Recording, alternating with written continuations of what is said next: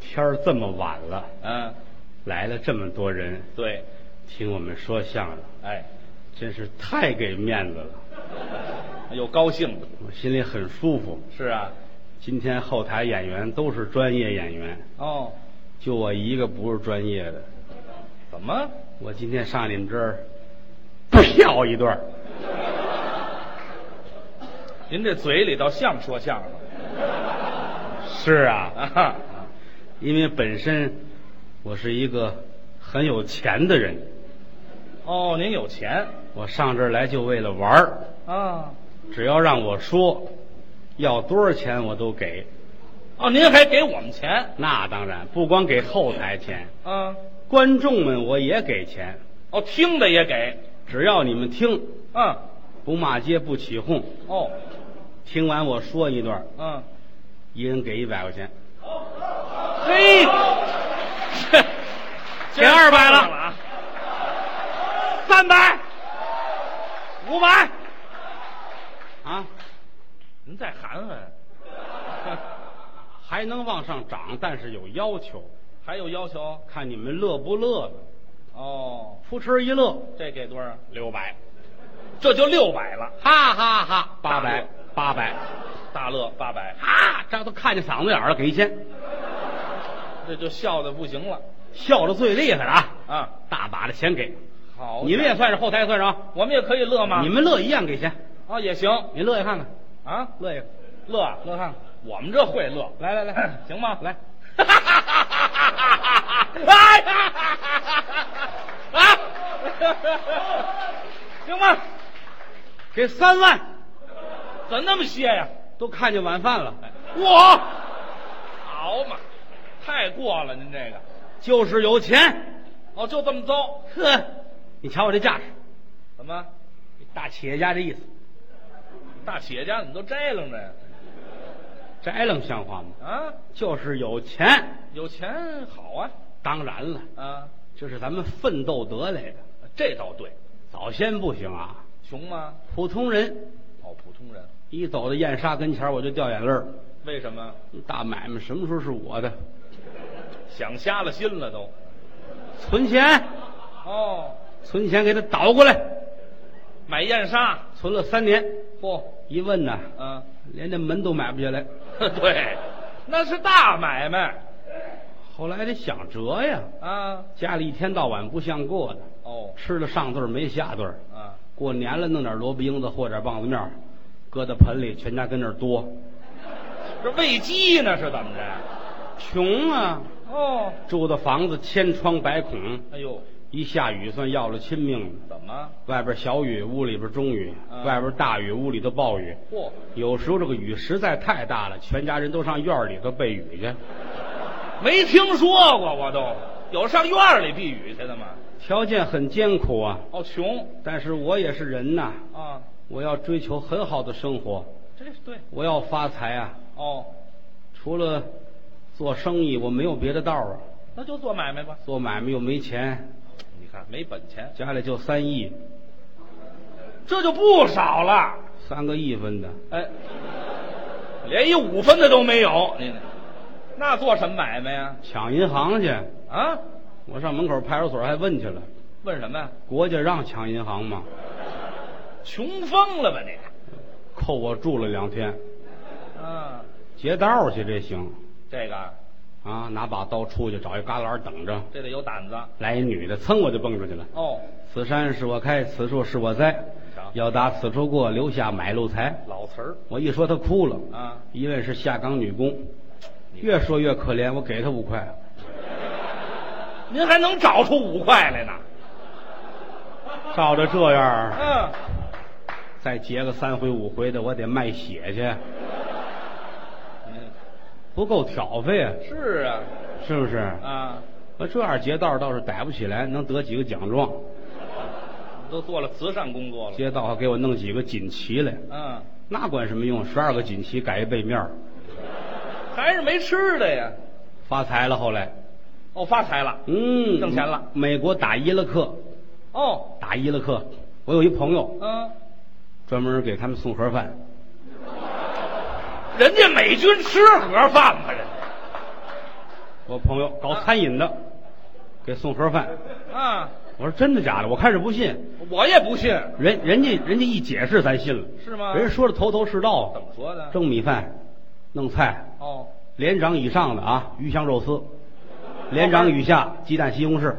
这一听着，他合合情合理，啊，啊，这就信了。他要都是土豆丝儿，这也不可信，对，太单调了。是不是啊？嗯哎，我说那你带我去吧。哦，他弄我上战场上收废品去，啊，打完人剩的子弹、机关枪、坦克、步枪，嗯好新步枪，哦，咔撅开了，搁一子弹，啪，新的。撅开了打呀？对啊，什么人呢？您这他是？不这么先进，能打得了伊拉克吗？是吧？啊，这些都拉回来，啊我发财了。哦，挣钱了。这我我卖钢材啊，我、哦我对对我院儿里边垒一锅，嗯，哦大铁锅，嚯拿锯把这大炮、坦克都锯成一块儿一块儿的，这功夫眼儿下的。架上火烧，嗯烧化了泼到地上，哦，拉好四方块儿嗯卖钢板，就这么做钢板呐？哎，啊，吃有钱了吗？玩儿哦，花钱嗯，造，造吧。报复以前贫穷的时候，这怎么报复？花钱啊，玩命的吃，好吃，刀削面没什么好。打碗儿的，嗯，哼，牛肉拉面、好牛肉拉面，锅贴儿、不，方便面，全是面呢、您这碗儿的一泡泡两碗儿，啊，买根肠子吃。买一根肠子哪根肠子？啊，烤一块钱羊肉串儿，那也就一串儿来一大腰子，啊，多搁盐，多搁孜然，嗯多搁辣椒，味儿浓点儿。我怎么了？太齁了，哼！谁让你搁那么些盐来 了？吃枣饽枣饽饽，您听这词儿啊，饽，啊枣饽饽，啊，买韭菜馅儿饼，哦，吃西餐去。吃完韭菜馅儿馅饼吃西餐去。嗯，有胡塌子吗？没有啊，嗯西餐有胡塌子呀，嗯，我个人带着刀、带着叉、带着锯条来的，那锯条啊，他不预备，还干西餐，是人那不是木匠铺，哼！来个牛扒吧，别搁牛肉啊，我爱吃洋葱，多来洋葱啊。那叫牛扒吗？那个面包少来这套，啊，我带着烤饼呢，知道吗？玩命吃，刨冰卷洋葱，哎，嗯，买一带领儿的褂子，以前穿的褂子都不带领儿，哼，买白袜子，呵，买布鞋，嘿，买球鞋，嗯，跑步，呵，上公共汽车咱也投币，以前都逃票啊，有钱了，啊，存自行车不划价了，存自行车您还划价儿？对，您穷疯了吧？您都哎呀，花钱这个，这什么时候能把钱造完了呀？这样是这太少了，这个花钱呢，啊，吃喝玩乐吧，再想主意啊啊，怎么能花钱啊？吃呗，还吃一天吃八顿。哦，加顿数了哎，北京城只要是饭店，推门就进。就吃，好，哦，来鱼香肉丝，还是鱼香肉丝，您这来来鱼香鸡丝，啊，他跟美军吃再一来块儿去了个来个鱼香茄子。嗯，我得意这口啊，鱼香的。尤其是馒头蘸那汤儿最好吃了，最好吃。哎呀，您就上那儿蘸汤去了。下饭这最下饭这个，啊，哎，花钱。后来有人告诉我了，嗯，这个你得吃西餐，啊，西餐贵。对呀、我说我去了，啊要胡塌子都没有，您这是没有。别吃那个，什么泰国菜啊、韩国菜啊、哦，越南菜啊、印度菜。哎，吃点这隔路的。这个它也贵，你知道吗？哎哎我说这主意好啊，嗯这主意好。我说现在兴吃什么呀？嗯，兴什么都有。哦，最近有一种韩国出的炸鸡，炸鸡提前把这个鸡块儿喂好了料，哦过油炸完了，是。它有一种特制的番茄酱，嗯弄好了一吃，太好了。哦半只鸡七十八，呵，这可贵了，这挑费高了啊我痛快了，可找着花钱的道了花七十八。啊啊！我哪儿哪儿有？嗯我告诉你去麦子店儿，麦子店儿那边有。嗯麦子店儿。那儿韩国人多，上那儿买去吃去。打车去了，哦，一下车一瞧，一趟街，生全哎是啊生意兴隆，是吗？两边都是门脸儿，哦，就洗头的那个，洗头的都这服务态度特别好是吗？啊！我打那一过都喊我，哎，往里头叫您呢，那是。可是我我这么短，我就别别别洗了，啊，是吧？我吃饭，吃饭我吃那韩国那那炸鸡那个，哎，对，找这个。我为花钱来的。对呀、走到尽头，嗯大饭店，写着韩国字儿，嗯就是这儿的。嚯、推门进去了，没人，没人，没人。不是吃饭点儿啊，哦，晚了。夜里一点啊，嚯，这时候去，坐这儿，拿过他那个那个展布展不嘛，餐巾啊，餐巾。掖在这儿，嗯，准备。哦，服务员过来，过一姑娘，嗯，拿菜谱，点菜吧。哎，看菜 吧。这份儿脏啊，哪有去？就别抖搂了。你们这儿有没有什么有那个鸡有哎没有问？问人家我就是。啊哈哈啊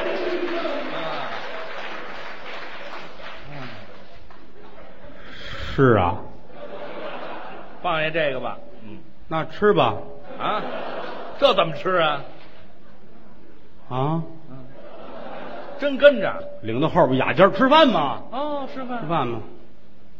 瞧这屋里边啊，嗯有一单人床，有一沙发，嗯，不像吃饭的样儿。床上吃。我正纳闷儿，他也进来了，嗯把门关上，插销插上，哦，这是把灯关上。关灯。第二天早晨呐，哎哎，我一出来，不不是，你先等会儿，不是先大太阳天儿，不不不，这你不是响晴不别日，说了，不是你先等会儿吧。红日啊啊，别什什么呀？怎么了？哪儿就第二天早晨了？啊这还没说完呢，您这个，这啊哎，啊头天晚上怎么着了？啊！装傻是不是？装傻。嗯嗯头天晚上怎么着了？关嘣儿一下关灯，第二天早晨呐，还是第二大天太阳地儿行了哪儿啊？啊，问你当天晚上关灯以后怎么着了？一关灯啊，啊，警察就把门踹开了，对，警察来了罚了八千块钱。嗯，啊，不过我觉得这个韩国风味还是很不错的啊。那是韩国风味吗？打那起，我经常上那儿去消费。上那儿了，过了半年呢，嗯，我卖钢材的钱都花干净了，你看看，家里又穷了。你说这日子怎么过的？嗯，一天到晚，孩子哭，大人嚷。哦，我那儿子也不懂事儿，啊啊，饿了，饿，恨得我。啊，哎，去年没吃饭，废话，啊去年吃饭管用吗？出去玩会儿去，去轰走了出去，玩会儿去啊，去啊看哪儿掉饼的捡一块儿回来啊。捡饼去他出去了，嗯我媳妇儿瞪着我，我瞪着他，啊谁也不说话。呲溜一下子，孩子回来了，啊，爸爸，你来人啦！哦，来人了，谁来了？嗯，姥姥来了，哦，姥姥来了，胖姥姥、瘦姥姥，哎，怎么还分俩呀？胖姥姥呀，啊是舅姥姥，哦，家里有钱，吃的胖；嗯，瘦姥姥是我丈母娘孩子亲姥姥，哦，家里穷啊，嗯太瘦了。来问问，胖姥姥、瘦姥姥，嗯，瘦姥姥，亲姥姥来了，关门，嗯，快点关门，啪，哦，把门关上了。嗯，就这么着还关晚了，怎么？门一关，我丈母娘打门缝里进来了，哇，这太瘦了吧？这个，进来了，啊跟我还说话呢，啊，姑爷你怎么关门啊？ 嗨，这这这这这这这这，行了行了行了，别比划了，嗯，您这丈母娘改驴皮眼儿了，他瘦啊，你知 道吗？嗨，这也太瘦了吧？这啊是个，啊，打门缝里就挤进来了，啊，吓我一跳，啊，嚯！干嘛？我一嚯，这口气儿把老人家吹出去，挂在墙上了，好嘛，墙上有俩钉子挂着胳膊，哦，呼，这不是我丈母娘啊，那是 上帝来了，这是好嘛，改耶稣了，搀下来，搀下来。嗯我说您怎么这么有功夫啊？嗯，吃完饭来的吧？别废话，哎这这这甭比划，您就说就行了，行动啊，这不要不要这个嗯嗯啊，别废话，嗯有饭辙还上你这儿来？哈啊哈您来巧了啊啊，既然没吃饭，咱们一块儿吃吧，上炕躺着吧。躺着呀。我们家有一宝炕，怎么？砖头垒的，哦一头高一头低。嗯，今儿吃饱了，脑袋冲上；今天没饭辙，脑袋冲下，一会儿就饱。愣空啊！嗯，躺着吧，躺着吧。嗯，丈母娘躺那儿了，二十分钟，鼻血都下来了。嚯，太狠了！还饿吗？啊，心火太大了，这会 哎呀，好，这多好，这个啊，露馅儿了这个啊嗯，这这歇着吧，歇着吧，聊会儿天儿哦，啊，聊着聊着天儿黑了，哟，晚上九点来钟了，嗯，睡吧，睡吧，也没什么事儿了，这就睡了都。躺下吧，都躺好了，嗯，家里就一床被窝，哟，跟口罩那么大，这没法盖给孩子盖吧，啊，小点给儿。孩子盖肚子上，省得着凉。嗯，我丈母娘，我媳妇儿躺好了，没被窝，怎么办？等会儿啊，等会儿啊我给你拆着去，拆的。嗯出去拿筐弄两筐土进来，别动啊。活埋了，这就，看这就甭拍了，就甭拍了。拿铁锹拍好了，啊，这别翻身啊，别翻身啊啊，露着胳膊着凉，知道吗？行了行你看你们娘俩多有造化，了啊，谁买我呀？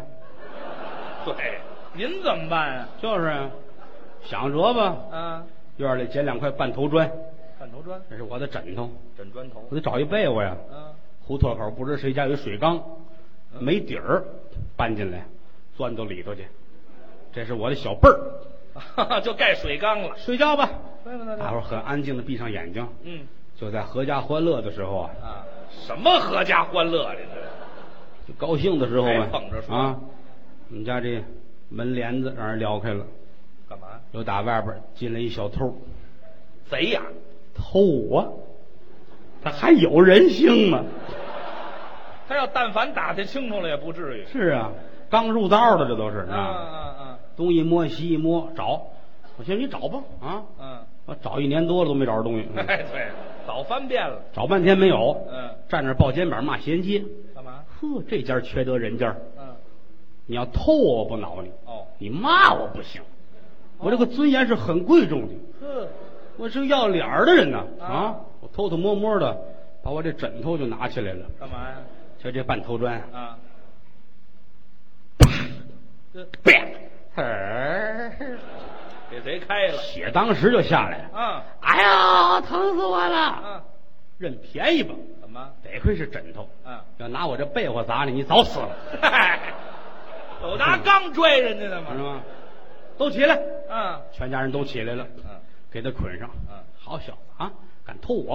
啊翻翻他身上，翻翻身上，啊，找找吧。找一翻口袋儿就一块钱。嗯把我气的太没有职业道德了，啊就拿一块钱就出来偷东西，啊，胆儿太大了。扒拉他，从上到下把这身衣裳扒拉个一丝不挂，哦，揪揪头发看看是不是头套。嗨，全翻干净了。走吧，走吧，嗯，去吧，走吧。轰人家了吗？我哪儿去？我一丝不挂出去让人打死啊。啊，我说这怎么办？我们也就这一身儿啊，啊也给不了你。我给你我怎么办呢？啊啊，你赔我这被窝。啊，来来这来这来这，把缸拿过来，我扶着他跳里边去。哦哎，一端缸盖儿，转身就走。哦，回来。干嘛？不打你不骂你，连客气话都不会说。嗯鞠个躬再走也行啊。客气怎么这么不懂事儿啊？嗯，哼， 出末将甲胄在身，不能失一全力。嗨，哎呀，就甭拽了，您就说端着缸呢就完了呗。我痛快了，啊，郭德纲发家致富的机会又来了。这有什么机会啊？伟大的一块钱，啊，哎，怎么了？假的，白费劲了。太缺德了！啊，你这不是坑人害人吗？嗯、从穷人手里边抢饭吃啊！嗯，是好嘛？假的假的吧，怎么？保不齐能花出去。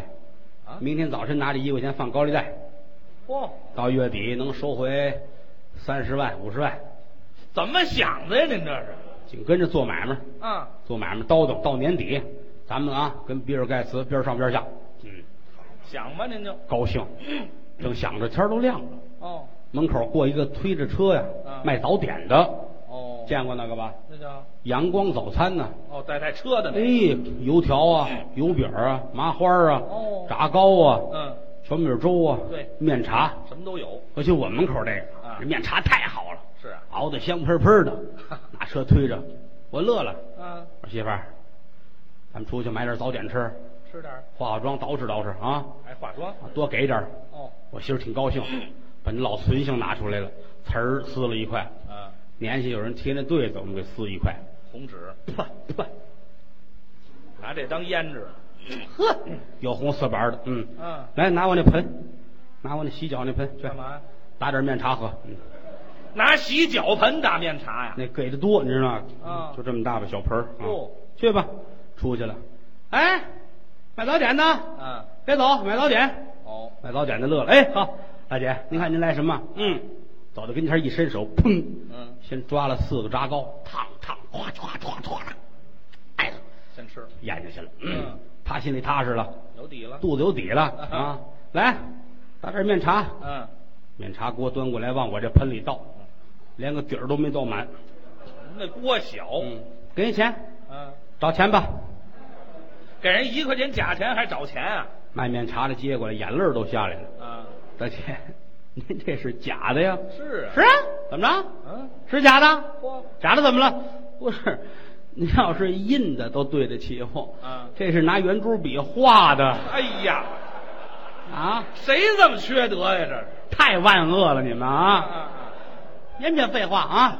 把那油条给我拿个三十五十的啊！哦把那麻花都拿过来，你把车撂下，你走吧，走吧，啊走吧，抢啊是怎么着？钱也不要了啊！啊，说这话一伸手，又抓四个炸糕，嘡扔嘴里俩，咔嚓咔嚓咔嚓嚼。白吃，卖面茶的不通情理啊，怎么了急了，过来跟我媳妇儿打架是啊啊！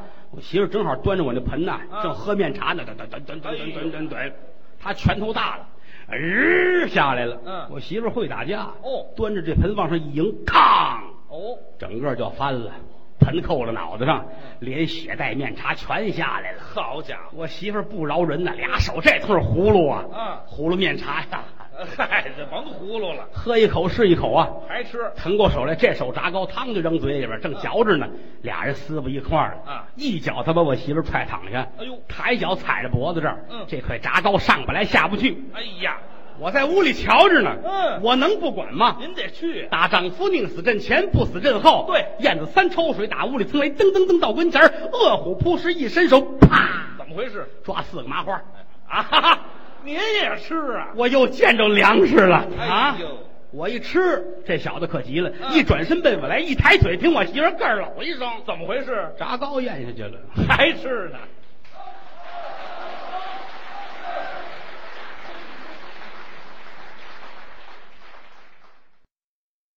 感谢您的收听，去应用商店下载 Patreon 应用城市，在首页搜索海量有声书，或点击下方链接听更多小说等内容。